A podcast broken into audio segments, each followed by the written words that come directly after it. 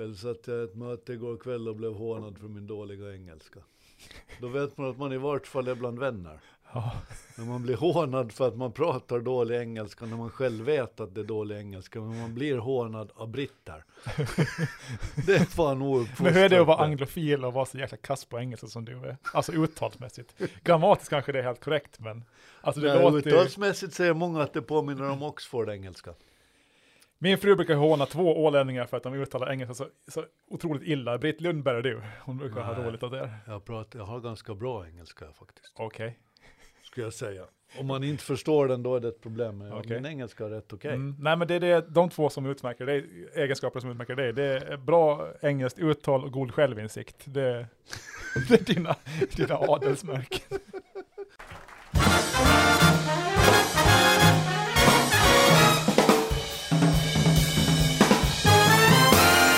Så, då säger vi välkomna till eh, podden Ålands Handel avsnitt 14. Och jag heter som vanligt Fredrik Rosenqvist och med mig har jag Jörgen Pettersson. Och jag sitter här och ser förväntansfullt fram emot det fjortonde avsnittet Ja. i denna eh, anno 2021. Mm. Hur har din vecka varit annars? Så här långt har den varit rätt bra. Jag fick ägna mig åt min favoritsysselsättning skotta snö i helgen. Eh, Jag fyllde år i söndags och eh, fick förutom en massa vänliga tillrop och eh, eh, fick umgås med, med snälla och glada barn så lagade jag en, en kladdkaka som kan vara världens främsta. Mm. Och så fick jag en motorsåg av min hustru Helena. Och, och det var, kan vara den bästa present jag någonsin har fått. Så just nu lever, li, leker livet och, Ja, jag ser fram emot att ge mig ut till skogs med min nya Jonsered. Mm. Grattis i efterskott då. Tack! Det är otur att ge knivar åt någon i present. Det- Gäller samma sak för motorsågar? Jag tänkte aldrig riktigt på just den saken. Jag, Ja. har inte, jag brukar undvika att ge knivar åt Ja. folk. Man kan ge knivar åt folk, men då ska man samtidigt ge dem en, en slant som de ger tillbaka, så då att de köper kniven av dig. För annars om man ger bara kniv så då kapar man vänskapsbanden. Sådär. Jag har ett ärr i min vänstra hand efter en kniv som jag köpte åt en kompis, eh, Daniel, är fotograf på Ålandstidningen när han fyllde år. Det kan ha varit 30, men det är lite osäkert. Det var Ja. länge sedan hur som helst. Jag var och tittade på en Leatherman på Holmbergs och kände på den sådär som man gör med knivar och fällde ut bladet för att Mm. kolla hur vass den är. Mm. Mitt i allt så tappade jag den. Ja. Och i tankeprocessen så hann jag se att golvet var av sten. Det skulle alltså vara olämpligt att släppa en vass kniv på ett stengolv. Så snabb som en fjäril fick jag min vänstra hand mellan stengolvet och kniven när den föll. Mm. Och det var inte det smartaste jag någonsin har gjort. För kniven så föll med spetsen neråt och ställde sig i handen. Ja. Och min minnesbild är att den stod med spetsen och liksom darrade den. Okej. Vilket kanske inte riktigt stämde, Nej. men i alla fall. Ja. Tre stygn blev resultatet av det, Ja. kommer jag ihåg, lustigt nog, fast jag annars har dåligt sifferminne. Och det är så tittar jag på ibland idag. Mm. Och slutsatsen, eh, lärdomen, sensmoralen av det, är att det är inte alltid klokt att hindra knivar från att falla i golv. Nej. Köpte du kniven sen? Jag, jag, jag faktiskt inte minns, men jag tror det. Ja, vad så bra. det är mycket så möjligt så att Daniel har en blodsbefläckad kniv i sin ego. Ja, ja. Du, eh, det glada 20-talet hade vi ju för hundra år sedan och nu menar du att vi kommer få ett nytt glatt 20-tal här, eller? Historien ger mig rätt. Ja. Efter alla stora kriser i mänskligheten så vill man ta igen det man uppfattar att man har förlorat. Mm. The Roaring Twenties kom efter spanska sjukan. Och mycket mera också, men spanska sjukan var nog den tydligaste. När man äntligen fått bukt på den skiten Mm. så ville man leva. Mm. Och då vidtog alla partaj, då vidtog hejdlösa orgier, då vidtog ett socialiserande som man aldrig har sett maken till. Allt det där skapar affärer. Mm. Folk vill resa någonstans, de vill se saker, de vill köpa, de vill ha en ny bil, nya skjortor, de vill göra saker. Det här var alltså före internet. Men man hade ändå ett enormt uppdämt behov som resulterade i en högkonjunktur som vi aldrig sett maken till. Nej, precis. Än 1920-talet. Vi uppfann jazz bara för att Mm. har någonting att göra. Ja. Allt rullar på. Allt snurrar så in i bomben. Och Ja. där tror jag att vi är just nu.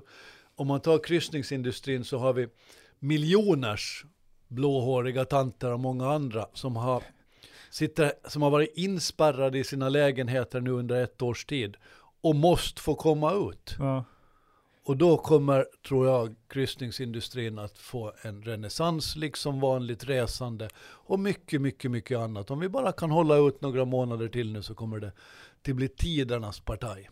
Ja, alltså till och med jag var inne på häromdagen på ett här kryssningsrederi och, och kolla tillgängligheten på resor. För jag tänkte att det skulle vara det skönaste som, som finns när jag åker på en kryssning och jag har aldrig känt det tidigare. Du ser. Ja, men det var, jag tog inga emot bokningar. Det var väl de här, jag tror jag så att Costa, vad de nu hette, Toscana sjösattes. Uh, så jag var inne och kollade på deras hemsida, men nej, det, det var lite si och så med kryssningar just nu. Men Det kommer att hända grejer där och då ska vi stå beredda. ja, så 2029 så får vi tidernas krasch sen då. Ja, det är ju det som blir. Det är ju så mänsklighet, mänskligt liv är uppbyggt, Ja. att det går från den ena ytterligheten till den andra. Mm. Och det slutade med en börskrasch av magnifika mått faktiskt. Ja, så nu har vi nio år av, av klackarna i taket framför oss och sen, sen får vi gömma oss igen då. Ja, i Ja. den mån som man kan lita på historien. Och jag tror man kan göra det. Det här Ja. är ju inte första gången. Det kan gå tillbaks tusentals år. Det är alltid samma sak. När det har gått på tok så vill man ta igen det. Mm, absolut. Du, på tal om fest och, och tjo och tjim. har du sett att Austra Australien och australienarna håller på att drunkna i hummer?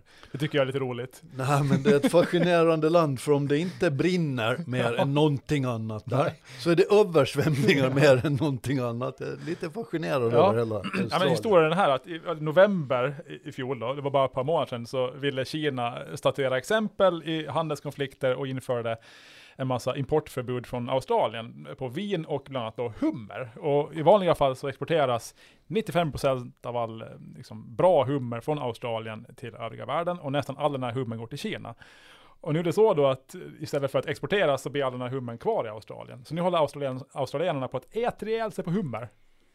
Det är människor som aldrig ätit hummer tidigare, mitt uppe i landet, som nu äter hummer. hummer. Ehm, Jag kan tänka Hem- mig ett värre öde. ja men det låter ju helt fantastiskt. Det de här gatuköken som gör så här grilled cheese sandwiches, alltså typ rostade mackor med ost på. De har nu grilled cheese sandwich med hummer på. Alltså, det är hummercurry och folk står hemma och lagar hummer och, och det, jag läste ett jättebra reportage om det här att ja, men det var helt så här, normalt att folk kom in och köpte 40 humrar till sin, till sin familj. Så här. För det var ju runt jul också, australierna gillar att äta skaldjur vid jul. Men nu börjar folk tröttna, de är så här, det hur mycket hummer kan man äta liksom? Så här, it's one of them good problems, känner jag. Istället för fyra sla- nakna sladdar med senap så kommer man in och tar fyra halva hummer. Ja, ja. Alltid så brinner det så in i helsike så, så har man jättemycket hummer. Mycket vin då kanske de också har, vad vet jag. Hur kommer det sig att just Australien alltid råkar ut för dessa ytterligheter? Ja, är Varför en, är det att de, det känns som att ingenting normalt händer där. Det är Nej. antingen eller. Det är, nej, det är Crocodile Dundee eller Ja. det är det är jättebränder. En Ja. gång insåg jag att, att det är ett väldigt stort land.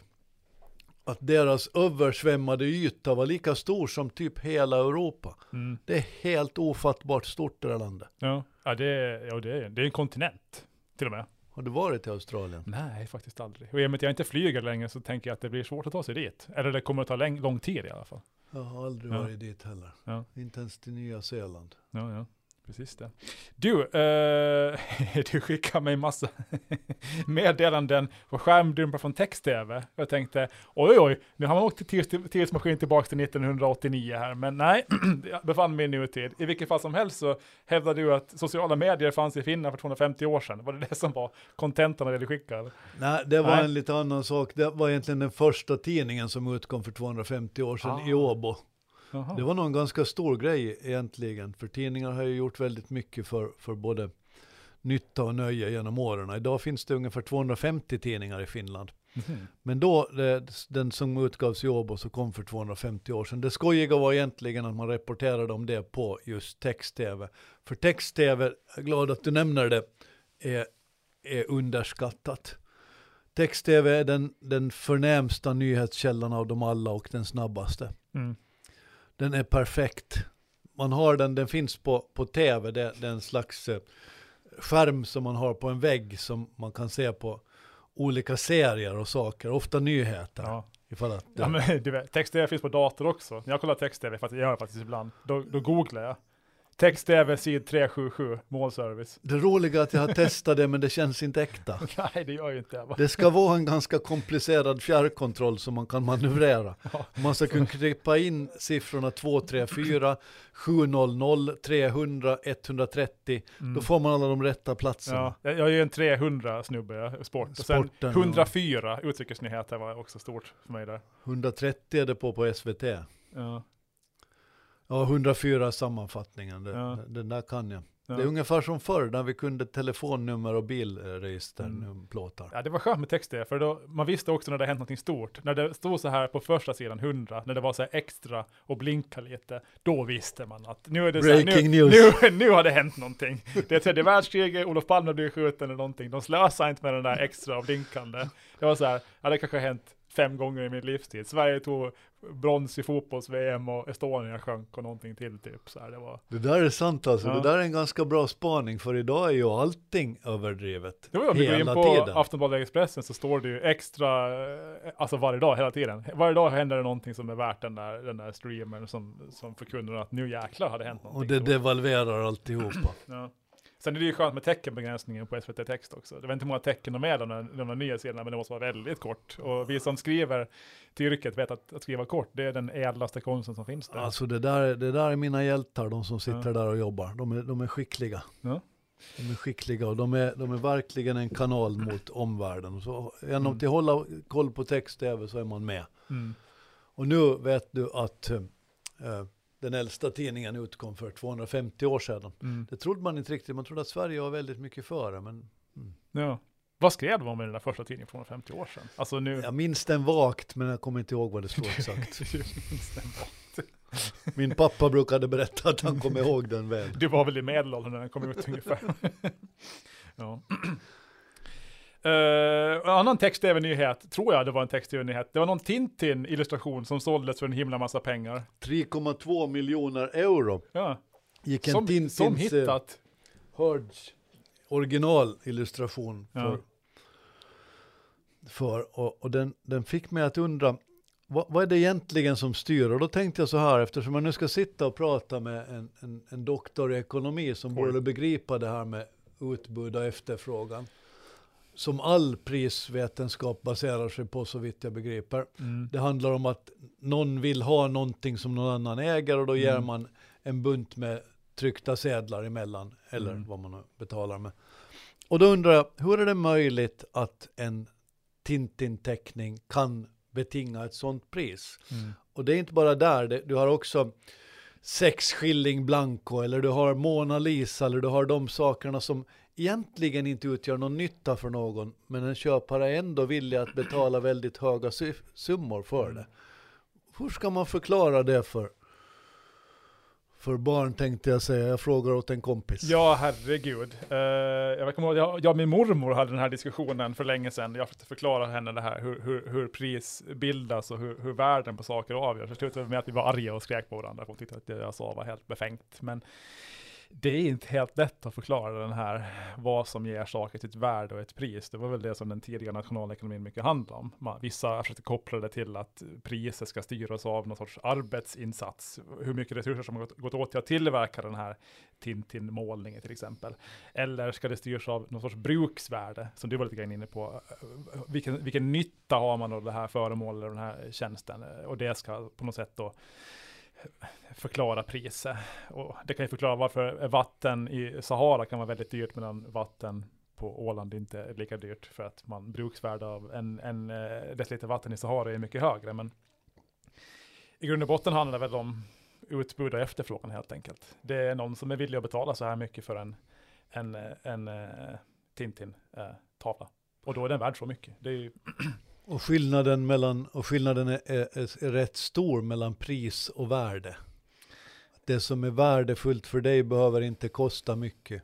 Nej, och sen det här värde, det är ju också ett ganska krångligt begrepp. För jag, jag tänker nog att den som köper den här Tintin-tavlan tänker att den har ett värde i framtiden. Att hen i framtiden, om hen så vill, ska kunna sälja den för ja, 3,5 miljoner eller 9,2 miljoner eller vad som helst. Men det där kan man ju aldrig veta. Det finns ju ingenting i hela världen som du vet har ett värde i imorgon. Det, det vet man ju inte. Vad var Tintin för dig? Tintin för mig var framförallt, uh, och nu kommer jag låta som att jag är hundra år gammal, uh, ljudböcker på LP-skivor. Det är du. Lyssna på Tintin på LP-skivor. Ljudboksform. Helt fantastiskt. Vem var din favoritkaraktär? Ja, men det var ju som Captain, alla Hud andras? Captain Haddock Som förstås. Finns det någon annan va? Det var ju bara töntar förutom Captain Haddock. Ja. Han var den enda som hade lite förnuft han i hela den där. Ja, men om man pratar om så här, saker och ting som har ett värde och, och vad som bestämmer det, det är därför sådana stofiler som jag blir supernervösa av bitcoin. För om man tar till exempel då eh, guld, det, varför är guld värt någonting? Ja, man, det har varit värt någonting i tusentals år och det är någonting man kan faktiskt hålla i och det har ett visst bruksvärde, man kan använda det i vissa industriella Det applikationer. vackert. Och det är vackert att titta på. Du kan göra smycken av det och sådär. Eh, och centralbanker använder det som en valutareserv och så vidare. Eh, aktier har de ett värde? Jo, för att du köper en, en, en andel av ett framtida kassaflöde i ett bolag som förhoppningsvis ska, ska kunna tjäna pengar i framtiden. Bitcoin, det är ingenting. Det är luft. Eh, det finns ingen, det är inte finns- ens luft faktiskt. nej det är inte ens luft. Det För är luft är ändå någonting kod. värdefullt. Ja det, är, ja, det är kod och det, det finns inga handelsstopp. Det finns ingen som säger nej, nu är det för, för, har gått för bananas här, vi slutar handla bitcoins idag. De handlas, som jag förstår det, 24 timmar om dygnet, 365 dagar om året. Det finns inget, ingen liksom reserv av bitcoins, någon som stödköper bitcoins om det faller eller någonting. Det är helt totalt vilda västern och det där blir man ju helt mörkrädd av. I alla fall jag, som är lite så här konservativ ibland. Som snubben som jag läste om, inte på text-tv men någon annanstans, som hade en hårddisk någonstans där han hade bitcoin inlåsta. Och för att komma åt dem så behövde han ha ett lösenord som han hade glömt. Och ni vet hur det är med lösenord man har dem uppskrivna på lite olika ställen. Ganska planlöst, tror jag att det är en allmän mänsklig eh, egenskap. Och, och i det här fallet så har man, när man har en hårddisk med bitcoin inlåsta på så har man, säg sju försök på sig Mm. att skicka in det rätta innan det blir this will be destroyed forever. Mm. Och då tror jag att han nu är på sitt sjätte försök och har en gång kvar och är rätt desperat över hur det här ska gå till. Ja. De här var då värda 100 miljoner eller någonting. Ja. Om han inte lyckas med sitt sjunde försök så då är det borta. Det, där, det låter som en väldigt bra film det där. Där Ha- måste man, Jakten liksom på lösenord, han vet att det om man skriver fel en gång till då är det kört. det där skulle vara stressframkallande. Jag tror att Ja. det där är för stressframkallande. Alltså usch, alltså jag skulle bli helt vansinnig. Jag hatar när jag inte hittar grejer och glömt bort det. Det är det värsta jag vet. Jag slarvade bort min, min, min eh, pulsklocka här veckan och jag på att bli galen. Jag letar efter den överallt. Jag spenderade tre timmar tror jag i sträck och letade efter den och jag hittade inte den. Var var den sen där? Eh, det var min fru som hittade den. Den hade fallit ner i en låda där vi förvarar Ivars kläder. Så jag, hade, jag ska ut på jakt. Jag hade stått där. Jag kommer ihåg att jag hade övervägt om jag ska klocka med mig eller inte. Jag tänkte, nej, jag lämnar den hemma. Då har jag lagt den ifrån mig på där, där jag har mitt, där som mitt vapenskåp är. Och då hade den tydligen fallit ner då i en låda. Där vi har eh, bebiskläderna. Så vi har mina vapen och bebiskläder på samma, i samma utrymme. Den Don't, du! don't try this at home folks. Nej. Hagelgevär och sen bredvid så har man en body. Han har många Djurgårdsbody ska du veta, lilla Ivar. Hur ska det gå? Han bör få, beta- han bör få bestämma själv. Ja, ja, Det där måste vi ta upp. Mm. Du, eh, jag snöade in mig på den senaste veckan. Som alla vet, kanske, är, är ju WHO nu på plats i Kina. Efter sju sorger och åtta bedrövelser så är en massa experter eh, från Världshälsoorganisationen, eh, biologer och epidemiologer och boskapsexperter och, och, och allt möjligt har nu kommit till Kina. De är i karantän. Är det faktiskt en god idé? Ja, jag vet inte riktigt. Man vill ju helst att man ska låta bli att peta på grejer i Wuhan just nu, men man är ju ändå nyfiken på, för det de ska försöka utröna är var kommer det här coronaviruset ifrån? Och det, det, det kommer ju tidigt fram en hypotes att det kommer från fladdermöss och att det var en, en marknad i Wuhan och att någon kines då hade köpt en fladdermus, åt den eller gullade med den eller vad som helst och det här, då spred sig det här coronaviruset. Och det här baseras lite grann på att dels de har vilda djur på den här marknaden och att man har konstaterat hundratals sådana här typer av virus bland, bland fladdermöss. Men det roliga är, eller det spännande är att man vet ju faktiskt inte eh, än eh, hur det här viruset kunde sprida sig och var det kommer ifrån. Och det ska man försöka ta reda på nu då. Eh, och det här tycker jag är, alltså det, det är ett stort mysterium.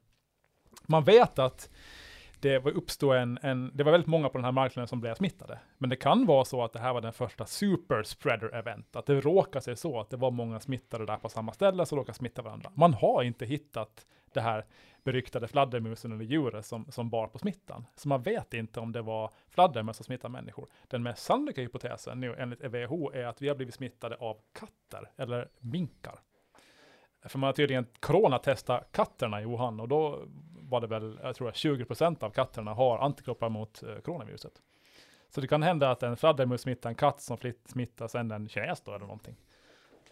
Jag har ju som alla andra läst de där teorierna, men som, som utvecklad hobbyepidemiolog så, så tror jag det, det, det, det, är som alltid, det är som med alla haverier, det är många små saker som samspelar, jag är helt övertygad mm. om det. Och med coronaviruset så är faktiskt covid-19 det sjunde kända viruset. Mm. Så är det. Ja. Man har haft sex tidigare, några av dem har varit väldigt besvärliga, några har varit dödliga som sars. Men de är alla olika vågor i coronavirusets mm. utveckling. Så coronaviruset är ingen överraskning för någon. Nej. Den här bara är annorlunda än de tidigare och ja. värst. Jo, jo. Men sen är det ju så här, det är intressant att veta hur det kunde sprida sig bland människor, för då finns det kanske en förhoppning om att man lyckas stoppa det i framtiden då, fler sådana här virus sprider sig. Om det nu var då från, från katter eller, eller minkar och sådär. Sen är det ju, alltså när man läser det där, det har tagit, hur länge sedan var det utbrottet var nu? Det ett år. ett år sedan, nu år. först.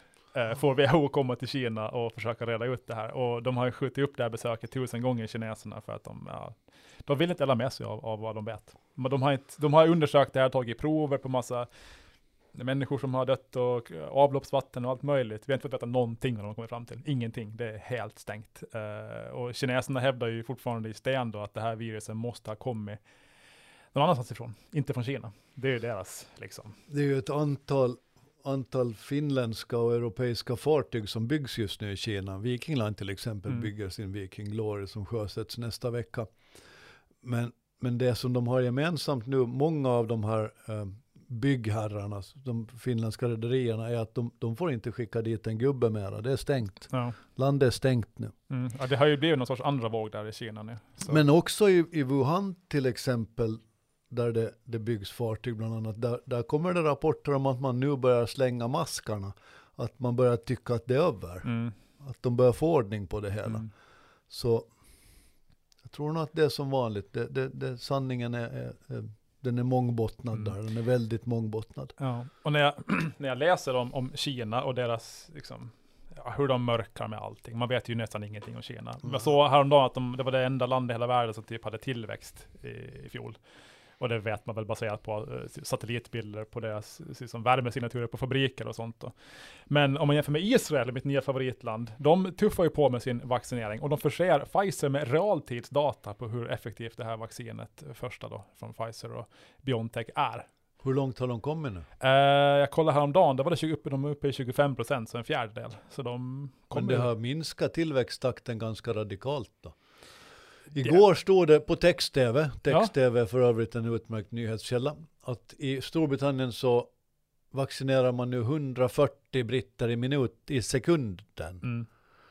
Och då gjorde en snabb kalkyl vilket ledde till att alla eh, britter skulle vara klara i oktober. Okay. Det är ganska länge. Ja, det är ganska länge dit. Och då tror jag att det är första sprutan och de säger att det är andra sprutan som mm. Storbritannien har kommit ganska långt. De fick ju vacciner väldigt tidigt, som, som Israel. Israel har ju kommit superlångt och det är ju tack vare dem som, och deras information som de ger till Pfizer som vi vet om. Alltså all information, nästan all information om, om vacciner kommer därifrån nu. Att man, man har sett att det redan börjar bli effektivt. För två veckor efter den första dosen så har man mindre risk att bli smittad och sådär. Och det vet vi ju tack vare att man ser det nu då i, ja, till exempel i Israel och sådär. Men jag gissar man ska inga dra för stora slutsatser nu hur snabbt det går. För, för det, det är ju ändå bara varit ute på marknaden några veckor. Mm. jag tror att det där blir exponentiellt sen för när, du, när de väl har löst koden med att distribuera det, vilket måste ha varit en otrolig operation. Mm. När man väl kan det så kommer det att gå ganska snabbt. Mm. Jag kan inte tänka mig att själva tillverkningsprocessen är flaskhalsen, utan det är annat. Jo, nej det, nej, det är annat på grund av flaskhalsar. Alltså Frankrike, detta land där som typ uppfann vaccineringen som sådan med Pasteur och sådär. Världens största vaccinmotståndare just nu. Det, tre av fyra inom äldre, som jobbar inom äldrevården tänker inte ta vaccinet. Det har jag missat, men jag noterar samma i, i Sverige att det Ja. finns på många Det är ställen. en otroligt, och inte bara i äldrevården utan befolkningen överlag så är en, en stor majoritet emot att ta det här vaccinet. De dör hellre av corona än att dö av det här vaccinet säger de. Så att det är ju ingen höjdare. Där, där måste nog alla vara tydliga och hjälpas åt. Alltså det, det, det går, man kan inte sprida skräck där. Mm. Det, det, det ingår i, i ens plikt att Mm. ta detta virus. Man, man, man har inte rätten att tänka på sig själv där. Nej, Man måste tänka på andra, det är bara så det. ja, absolut. Eh, du, en sak som har pratats väldigt mycket om i nyheterna på sistone är banker som delar ut vinst till sina ägare. Och det här är, det här är ett känsligt ämne. Men jag, Ja, jag, har, jag har en liten fundering där. Det var ju Ålandsbanken var ju eh, först och sen Aktia eh, följde efter i Finland. Två, eh, ja, lite grann likvärdiga banker som, som väljer att trotsa de här rekommendationerna då och dela ut eh, pengar till, till sina ägare. Vad tycker du spontant liksom? Har du nå- Jag har en liten spaning där nämligen. Jag tycker att man ska dela ut av det överskott man har tjänat in. Jag förstår rekommendationerna till de stora bankerna, för det är nog ganska stor skillnad här mellan Ålandsbanken och Aktia, som jag tror eh, sysslar med förmögnare kunder än de riktigt stora bankerna. Mm. För jag hör ifrån Storbritannien ganska mycket att där är bankväsendet extremt nervösa. Inte så mycket för det som händer nu, men för alla, alla firmor som kommer att tvingas i konkurs. Mm. De, ser, de, de anser att, att det vi ser just nu är inte verkligheten. Den kommer att komma om några år och Mm. då gäller det att vara redo. Mm. Så jag förstår faktiskt rekommendationen från finansmyndigheterna att de eh, att de väljer att, att rekommendera det här, men jag förstår också bankerna som vill ha ut pengarna till Mm. sina ägare. Det, det är ändå de som har tjänat in dem. Ja. ja, och sen, dels handlar det om det, men att, att, jag kan tycka så här, att, att komma med en rekommendation är inte helt fair. För att om man tar då en, en, en bank och dess ledning, så deras, de har ju olika mål som de ska leva upp till. De ska ha en viss lönsamhet. Och de ska eh, sänka sina kostnader, öka sina intäkter, tjäna pengar åt sina ägare. och sitta på de här pengarna och inte betala ut dem i dividend, det, det, är, det motverkar de här målen. För dels så alltså så har de som ränteläggare idag en kostnad. Det kostar att ha pengar hos centralbanken. Uh, nummer två, bankerna har sina finansiella mål ofta efter att de ska tjäna en viss mängd pengar i förhållande till sitt egna, egna kapital. Uh, return on equity och sådär. Om de har mycket eget kapital för de kan, de kan inte dela ut sin, sin vinst, då missar de de här sina egna mål. Så rent affärsmässigt så har de ju ganska starka skäl för att dela ut de här pengarna. Och det är lite grann det som hela verksamheten går ut på. Och det är ganska så här, ja det är ganska mycket att kräva. Så här, man liksom, vi rekommenderar att ni inte ska dela ut pengar, men det går ju emot deras jobb egentligen. Så det, ja, det är svårt. så kan man säga, men man kan också säga att det vi är med om nu så har vi aldrig sett förut. Nej. Och effekterna av allt när det har lagt sig, Mm. de kommer att vara svåra. ja. ja, det är ju som alla affärsmässiga beslut är ju svåra, men man får väl på något sätt lita det- att folk lite- så här, det, det, det är inte roligt när någon annan säger åt en hur man ska göra. Det är Nej. hemskt när sånt händer. Men, men det finns paralleller som inte, de är inte jättelika varandra. Men, men ta svaveldirektivet på Östersjön, mm. när man gick ner för att minska mängden svavel i fartygsbränslen. Mm.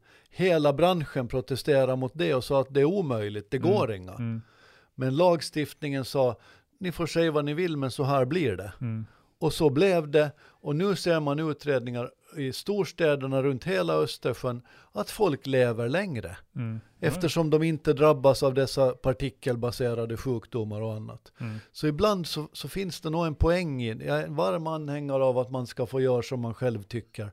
Men det finns ibland under vissa skeden nog skäl till att, att det kommer ukaser som man kanske inte riktigt tycker om. Mm. Ja, ja.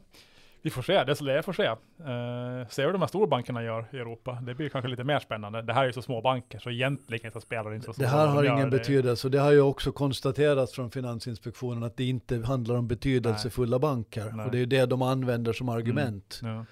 Men, men det är klart att det... Mm. Ja, den, där blir, den där blir intressant att följa. Riksdagen eh, aviserar att man eventuellt ska ha ett hörande kring Ja, detta. lite så här eh, som man är van att se från USA, där de sätter upp Mark Zuckerberg och de från Facebook och grillar dem. Sen kommer Peter Wiklöf och de andra sitta där och och svettas. Det sägs att när Mark Zuckerberg var där med Facebook så var det en som sa det att du, eftersom du ändå är här nu, du håller ju på med data, kan du komma och kolla på en printer här? Ja, det är kul. Mm. Du, eh, jag blev fundera på, jag läste en rolig artikel om att eh, vad bolag heter, det kan vara roligt att, att, att, att fundera på. Ditt bolag har ju ett roligt namn. Mitt bolag har ett ännu värre namn. Men vet du vad det värsta namnet just nu är? Stellantis, har du hört talas om dem? Nej, Vet du vad de gör? nej. Då ska jag berätta för dig att det är en av eh, Europas absolut största företag. Det är, Stellantis. det är sammanslagningen mellan eh, Fiat, Fiat, Chrysler och Peugeot. De har gått ihop. Eh, först gick ju Fiat ihop med Chrysler, eller de köpte upp Chrysler. Och nu har ju då Fiat och, Peugeot eh, fusionerats officiellt. Och bolaget har nu fått ett nytt namn, Stellantis, och det här bolaget handlas på börsen, så de heter Stellantis helt enkelt. Vad står det för? Eh, det kommer ju från Stella som är stjärna.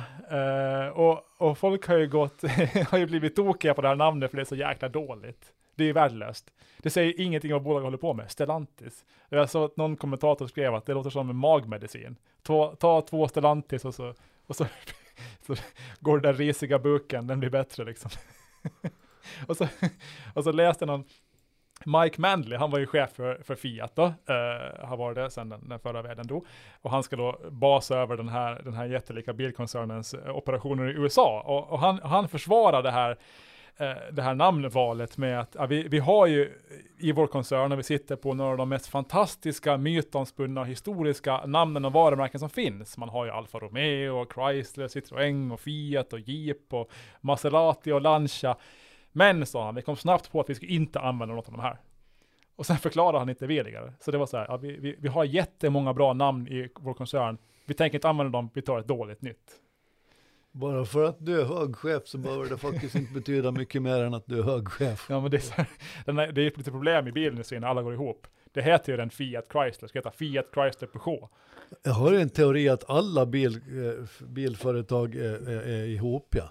Ja, om det, det, är, det är väldigt så. De, det är typ om du köper en Volkswagen så är det egentligen en Seat och så vidare. Det är, Skåda. ja. Skåda gav sig in i storpolitiken, det tyckte jag var fräscht. Mm.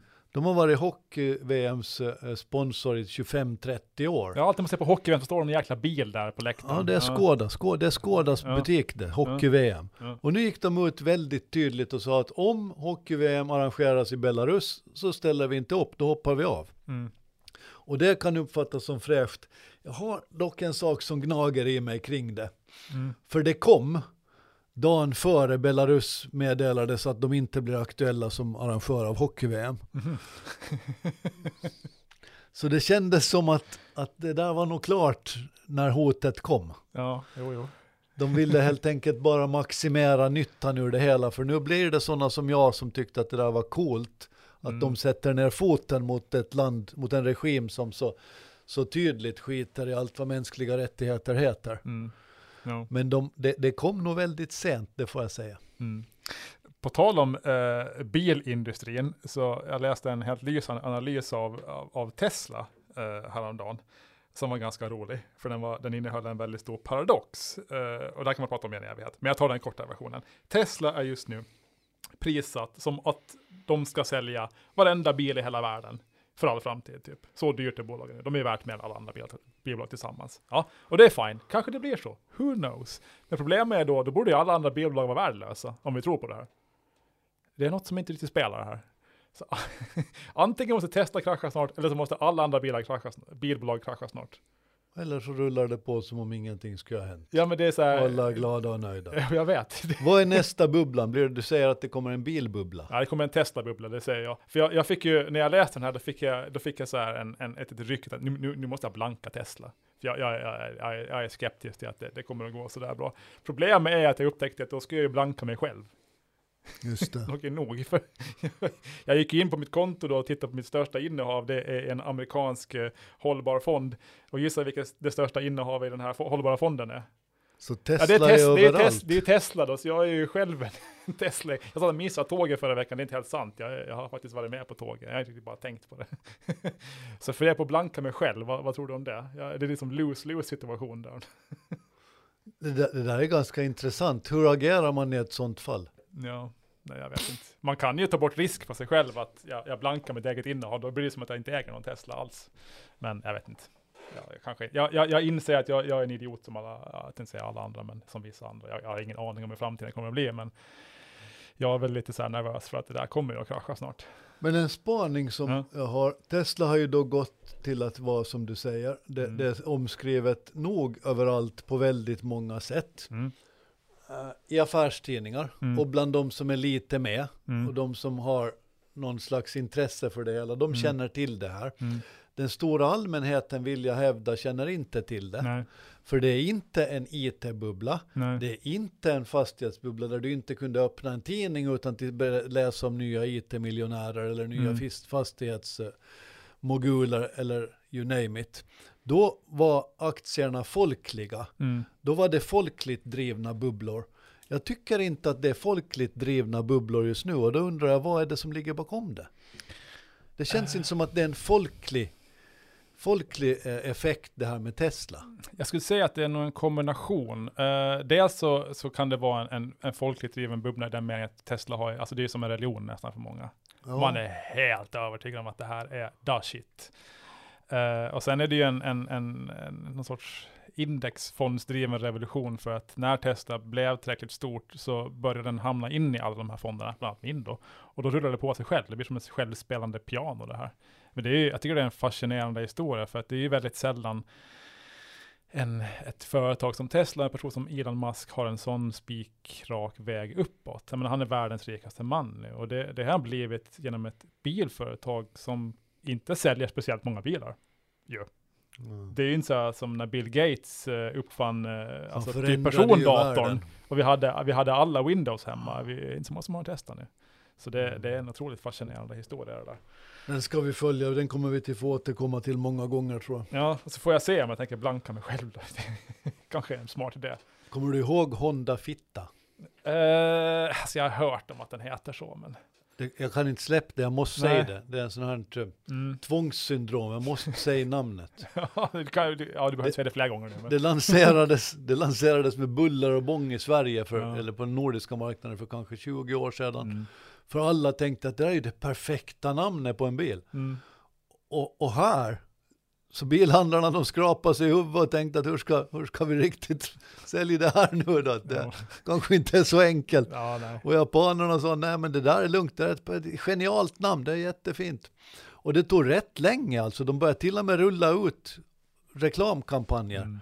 Innan man insåg att det här, det här är nog ett fall av kejsarens nya kläder. Nu är det nog bara att inse att det här kommer inte att gå. Ja, ja. Så de drog tillbaka det. Historien är full av sådana här, SIDA, den svenska alltså biståndsorganisationen, det, det betyder ju om det är aids eller HIV på franska.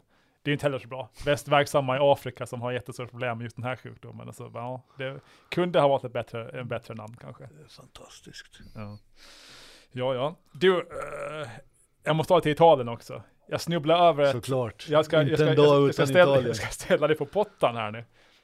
Gissa vilket företag det här är. Jag läste om det här dagen nämligen, det verkar himla spännande. Ungefär 20 000 anställda. Eh, dubbelt större än sina två största konkurrenter tillsammans då. Eh, ungefär en 80% i marknadsandel på sin absolut viktigaste marknad. Omsätter ungefär 50 miljarder euro per år. Det är alltså ett jätte, jätteföretag det här. Och har både närvaro i Europa, Nord och Sydamerika och Australien, inte Asien. Vad är det här? De tillverkar spaghetti. Eh, nej, det är den itali- kalabresiska maff- maffian, Drangetan. Det är ju en stor maffiarättegång i Italien nu och då, då, då gick de igenom den här organisationen som är helt gigantisk. 20 000 medlemmar och de, de omsätter ju som, ja de tjänar väl mer pengar än Tesla typ. Eh, ja, första stora maffiarättegången sedan 1980-talet. Då gick det inte så bra för de två åklagarna som drev den processen. De hamnar ju där fiskarna sa, kan jag säga. Men Jag tycker det är helt otroligt att någon vågar ta tag i det. Alltså på riktigt tycker jag det. absolut. Hur man, hur man ens, hur man vågar sig, hur man vågar Mm. riskera det där. Jo, man, och det är liksom, nu ser man det som att nu tar man det första stora steget och det förhoppningsvis ska leda till att, att fler börjar våga vittna och prata om den här enorma organisationen som då alltså då, det här 80% i marknadsandel, de, de konkluderar 80% av koka, kokainhalter i hela Europa eh, till exempel. Och de är större än både den colombianska och mexikanska drogkartellerna tillsammans. Och det här är inte så långt ifrån där vi bor egentligen. Det är ju inte så långt till Italien sådär. Eh, men han här åklagaren, uh, Signore Gratteri, eh, han, han har jobbat som chefsåklagare i Catanzaro, den här regionhuvudstaden i Kalabrien sedan 2016. Han har fortfarande aldrig varit ute på stan. Han kan Alltså. inte. Nej, då, han ska bli skjuten direkt. Så han, han, han, han sitter i sin bunker och han, han kan inte visa sig utomhus. Du, det där är intressant. Jag, jag bara måste säga en, en, en sak som jag märkt, lagt märke till där på Netflix, som eh, är en varm vän av Netflix. Jag tycker de gör otroligt bra serier, många. Men de hemfaller till skurkdyrkan. Mm. Och, och det har jag svårt med. Jo, Jag har ja, otroligt svårt med skurkdyrkan som Narcos och alla dessa serier ja. som berättar någon slags verklig historia. Inte så att de idoliserar det eller förskönar det, gör de nog inte, de är rätt hemska. Men de tjänar ändå pengar på skurkar. Jo, absolut. Det är en skurkdyrkan Mm. och, och den är, det finns alldeles åt helvete, ursäkta, Mm. för många knarkserier Mm. för att det ska vara, Jo, jo. vara lämpligt. Och här- Jag undrar hur de resonerar, hur de kan se sig själva i spegeln när man faktiskt, det här kommer ju till tjäna multum åt Netflix Mm. en dag. Jo, jo. Och det här, alltså Drangetan, det är ju ett enormt gissel. Alls kul. Alltså det, ju- det, det går ju inte att, att, typ vara i södra Italien och leva där på ett normalt sätt för att de, de har så stor makt och det, är- det är hemskt. Och allt de ställer till med och sådär. Så jag håller med dig. Det, Lyssnar de på poddar så kommer det till komma gäng med fiollådor här snart nu då. ja, de gör kanske det. Men shit. Hej, vad säljer ni då? Nej, vi ska spela lite fiol bara. Ja, ja, ja. Nej, det ingen höjdare. De sitter ju i finkan ganska många av dem nu, 350 stycken, eller många de har burat in där. Så att, mm, vi får se hur det där, hoppas det går bra. Jag håller tummarna Jag för håller att de tummarna för lyckas. Grateria och gänget sätter dit dem. För det där är faktiskt ett gissel. Det, det där är Mm. det värsta som kan hända ett samhälle när, när man förlorar lag och order. Det ser, såg man i Kapitolium här om veckan. Mm. Eh, har du någon hyllning den här veckan? Vem vill du hylla, eller vad? Jag har en hyllning och den, den kommer faktiskt direkt från the capital nästan. Men Joe Biden svärs in som USAs nästa president imorgon. Och jag tycker han är värd att hyllas. Han fyller ändå 79 år i höst. Mm. Han är ingen eh, eh, yngling längre, men han bestämmer sig ändå för att han står till förfogande. Och det där är en förebild tycker jag. Jag tycker inte om de som går omkring, alla har rätt att längta till pension, det har man faktiskt om man har ett långt arbetsliv bakom sig. Men bara om man så själv väljer. Om man väljer att fortsätta jobba och fortsätta stå till förfogande, då ska man få göra det. Mm. Och det tycker jag att Joe Biden har gjort på ett formidabelt sätt. Dels har han tvingat ut en annan gammal skurk därifrån, Vita huset. Dels har han gett sig in i denna kamp som är enormt, enorm att vinna ett presidentval i USA. Mm. Och nu står han till förfogande för att driva det vidare. Mm. Jag tycker han är värd en hyllning just denna vecka när han ska sväras in. Mm. Och hoppas verkligen att den andra olyckan inte hinner ställa till någonting på sitt sista dygn. Kanske det här tar udden av din hyllning lite grann, men jag läste en ganska rolig grej om att Joe Biden är ganska så här, han är inte jättegammal i jämförelse med många av sina kollegor.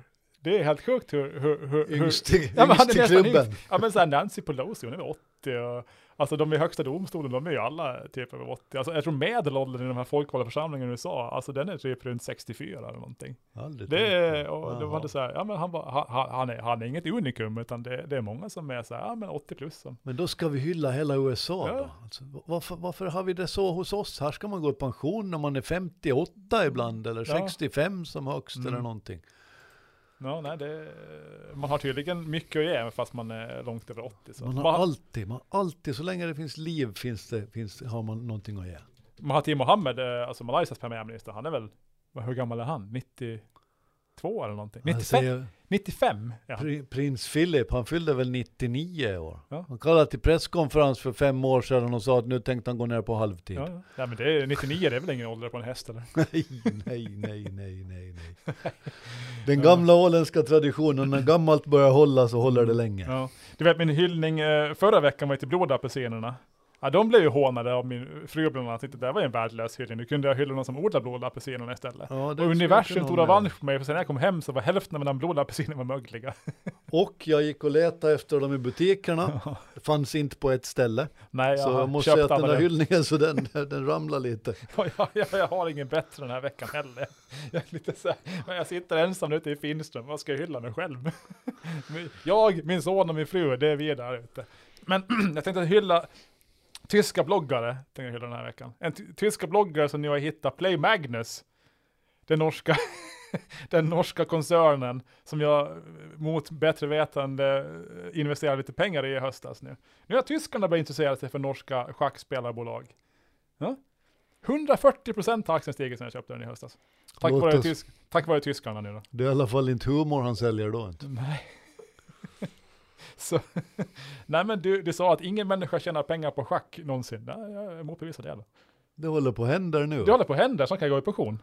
Men om, om tyskar börjar ge sig in i, i nöjesbranschen, Mm. då, då tror jag att det börjar bli dags att sälja dem. Jo, det börjar ha dags att säga. Jag går ett vänskapligt, vänskapligt råd, men det, då tror jag att det, Ja, jo. det kanske börjar bli över då. Ja, ja, jag får gå in och sälja mina Play Magnus och blanka Tesla nu helt enkelt. Ja.